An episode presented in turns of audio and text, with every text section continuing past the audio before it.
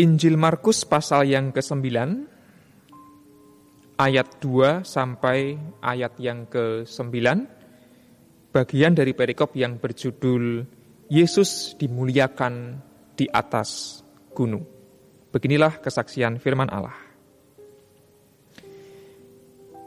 Enam hari kemudian, Yesus membawa Petrus, Yakobus, dan Yohanes, dan bersama-sama dengan mereka ia naik ke sebuah gunung yang tinggi. Di situ mereka sendirian saja. Lalu Yesus berubah rupa di depan mata mereka, dan pakaiannya sangat putih berkilat-kilat. Tidak ada seorang pun di dunia ini yang dapat mengelantang pakaian seperti itu. Maka nampaklah kepada mereka Elia bersama dengan Musa Keduanya sedang berbicara dengan Yesus. Kata Petrus kepada Yesus, "Rabi, betapa bahagianya kami berada di tempat ini. Baiklah kami dirikan tiga kemah, satu untuk engkau, satu untuk Musa, dan satu untuk Elia." Ia berkata demikian sebab tidak tahu apa yang harus dikatakannya karena mereka sangat ketakutan. Maka datanglah awan menaungi mereka, dan dari dalam awan itu terdengar suara. Inilah anak yang kukasihi, dengarkanlah dia. Dan sekonyong-konyong, waktu mereka memandang sekeliling mereka, mereka tidak melihat seorang pun lagi bersama mereka, kecuali Yesus seorang diri. Pada waktu mereka turun dari gunung itu, Yesus berpesan kepada mereka supaya mereka jangan menceritakan kepada seorang pun apa yang telah mereka lihat itu. Sebelum anak manusia bangkit dari antara orang mati. Bapak, Ibu, dan Saudara, serta anak-anak yang terkasih di dalam Tuhan, biasanya kita merasa terpesona jika lo menyaksikan hal-hal yang luar biasa. Hari ini bacaan kita mengisahkan tentang beberapa hal yang memang luar biasa. Bukan peristiwa yang biasa, melainkan peristiwa yang luar biasa. Peristiwa itu dialami juga oleh orang-orang yang luar biasa, bukan hanya orang-orang yang biasa. Peristiwa transfigurasi terjadi di tempat yang luar biasa, di atas gunung yang tinggi, bukan tempat yang biasa. Dikisahkan bahwa Yesus naik ke atas gunung mengajak tiga murid yang paling dekat atau yang paling akrab dengannya. Ada Petrus, ada Yakobus, ada Yohanes para penafsir sering kali menyebut tiga murid ini adalah tiga murid yang paling dekat, tiga murid kesayangan dari Gusti Yesus. Berarti mereka pun adalah orang-orang yang luar biasa, bukan murid yang biasa-biasa saja. Ditambah lagi, ketika mereka menyaksikan Yesus di atas gunung berubah rupa, ada dua sosok yang muncul, yaitu Nabi Musa dan Nabi Elia Dua-duanya juga bukan nabi yang biasa-biasa saja. Dua nabi ini dikenal sebagai dua nabi yang paling besar bagi bangsa Israel. Pertanyaannya barangkali, lalu apakah masih mungkin kita sebagai manusia biasa saat ini di sini merasakan dan mengalami pengalaman yang luar biasa? Seperti yang dialami oleh para murid Yesus pada zaman itu. Bapak Ibu dan Saudara yang terkasih, nyatanya manusia biasa pun masih bisa memiliki pengalaman yang luar biasa. Pengalaman semacam itu sering kali dalam dunia teologi atau spiritualitas dikenal dengan istilah pengalaman mistik.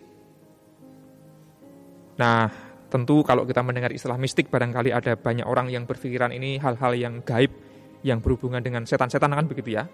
Nah, sebelum ada kesalahpahaman lebih jauh, perlu saya jelaskan dulu istilah mistik yang dalam kamus besar bahasa Indonesia diartikan begini. Mistik berarti subsistem yang ada dalam hampir semua agama dan sistem religi untuk memenuhi hasrat manusia mengalami dan merasakan emosi bersatu dengan Tuhan. Jadi manusia punya hasrat untuk mengalami dan merasakan emosi bersatu dengan Tuhan. Nah, pengalaman semacam itulah yang disebut dengan pengalaman mistik. Nah, mistik bukanlah pengalaman yang biasa-biasa saja, melainkan pengalaman yang kemudian bisa mengubah kehidupan seseorang. Meskipun banyak orang menganggap pengalaman luar biasa ini hanya bisa dirasakan dan dimiliki oleh orang-orang tertentu, namun pengalaman luar biasa bisa dimiliki dan dirasakan oleh orang-orang biasa. Saya mengutip pendapat salah seorang teolog perempuan dari Jerman yang bernama Dorothy Sole. Dia menegaskan bahwa pengalaman mistik, pengalaman berjumpa dengan Allah, tidak hanya dialami dalam peristiwa-peristiwa extraordinary, luar biasa, tetapi juga terjadi dalam peristiwa-peristiwa yang ordinary, yang biasa-biasa saja. Yang kedua, pengalaman mistik tidak hanya dialami oleh orang-orang yang dianggap luar biasa, tetapi dialami oleh semua orang. Dorothy Soleh menyebut bahwa semua orang adalah mistikus sejatinya. Selama dia bisa merasakan memiliki hasrat kerinduan untuk berjumpa dan bersatu dengan Allah. Bagaimana caranya supaya kita orang-orang biasa ini bisa punya pengalaman menyatu dengan Allah? Soleh menawarkan ada beberapa wahana atau sarana. Yang pertama adalah alam. Seringkali kita takjub dengan fenomena alam. Barangkali awan yang indah, pelangi, atau bahkan hewan-hewan tumbuhan yang indah. Dan sering kali orang mengalami hadirat Allah ketika mengagumi alam yang indah. Pengalaman mistik juga bisa dirasakan ketika kita menghayati sungguh-sungguh relasi cinta. Relasi cinta yang sifatnya mendalam. Dan bukankah kita semua kemudian punya pengalaman cinta yang mendalam? entah dengan pasangan, entah dengan orang tua, dengan anak, dengan sahabat, dan dengan siapa pun. Pengalaman cinta juga adalah pengalaman di mana kita bisa merasakan berjumpa dengan Allah. Maka tidak harus jadi orang yang hebat sekali untuk bisa merasakan itu, melainkan orang-orang biasa, termasuk kita pun bisa punya pengalaman yang indah. Yang ketiga, melalui komunitas Kebersamaan yang saling mendukung, yang saling mengasihi, membuat kita merasakan hadirat Tuhan. Yang berikutnya adalah kegembiraan atau joy. Seringkali kita merasakan kegembiraan yang tiba-tiba entah datang dari mana, saat itulah kita bisa merasakan Allah hadir dan menyapa kita. Yang terakhir, menariknya adalah Soleh menyebut pengalaman akan Allah, pengalaman mistik juga bisa dialami di dalam penderitaan, suffering. Di dalam derita, Allah pun masih bisa dijumpai, dirasakan, dan dialami.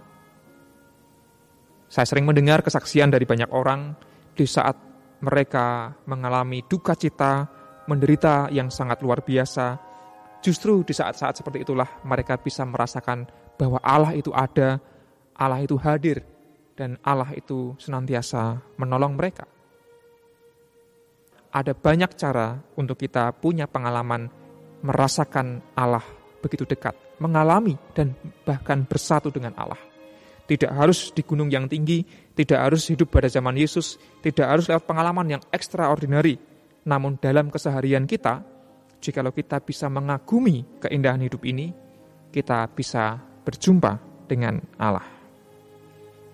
Bapak, Ibu, dan saudara yang terkasih dalam Tuhan, kembali ke dalam tema kita pada hari ini, menyaksikan dan mempersaksikan kemuliaan Allah. Jelas bahwa panggilan kita tidak hanya untuk menyaksikan atau menonton seperti tiga murid Yesus yang terkasih itu. Tidak hanya menjadi penonton yang pasif akan pengalaman-pengalaman yang indah dengan Allah, tetapi kita dipanggil untuk mempersaksikan, membagikan keindahan itu kepada sesama maupun semesta.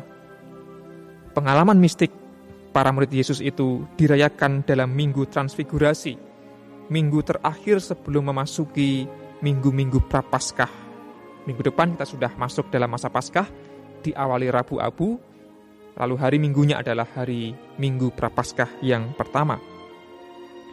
Dan itulah mengapa tema ini menjadi penting, karena kita tidak hanya diajak untuk menonton, menyaksikan, dan merasakan kenikmatan dan keindahan seperti para murid, namun kita diajak, dipanggil untuk mempersaksikan kemuliaan Allah itu kepada sesama, membagikan berkat kepada sesama. Yesus pun turun gunung dan kemudian berkarya kembali mengajak para muridnya. Itulah refleksi kita yang pertama Refleksi yang kedua, saya mengutip pendapat seorang pendeta perempuan bernama Melinda Kuivik yang merefleksikan makna transfigurasi. Dia mengatakan begini, transfigurasi semestinya membawa kita pada kesadaran betapa rendahnya kita. Karena yang mulia hanyalah Tuhan Yesus, Tuhan Allah. Kalau yang mulia hanyalah Allah, kita ini manusia biasa yang harusnya rendah hati. Yang harusnya kita kembali pada kemanusiaan kita. Jangan kita berlagak menjadi Gusti Allah. Kita hanyalah manusia biasa. Kita pun diajak untuk rendah hati dan semakin dekat pada kemanusiaan, semakin membela manusia dan semakin manusiawi. Tentu kita menyaksikan ada banyak sekali pergumulan hidup yang dialami oleh manusia dalam berbagai kelemahan. Ada banyak bencana alam ada banyak kekerasan, ada banyak sekali pertikaian. Dalam situasi semacam itu, sungguh-sungguh panggilan kepada kita adalah panggilan untuk menjadi semakin manusiawi, membela mereka yang paling lemah. Maka dengan demikian, meskipun kita punya pengalaman yang tidak menyenangkan, bahkan yang pahit, bahkan yang tragis, mungkin akibat pandemi, mungkin akibat bencana alam, banjir misalnya, mungkin akibat pergumulan pribadi kita masing-masing. Semua itu adalah pengalaman yang mendekatkan kita kepada Allah. Dan Allah tetaplah Allah yang maha mulia karena ia tetap menjangkau kita dalam segala macam keadaan. Selamat merayakan Minggu Transfigurasi dan mari menyaksikan, mengalami kemuliaan Allah, tetapi tidak pernah lupa untuk mempersaksikan juga membagikan itu kepada sesama kita. Amin.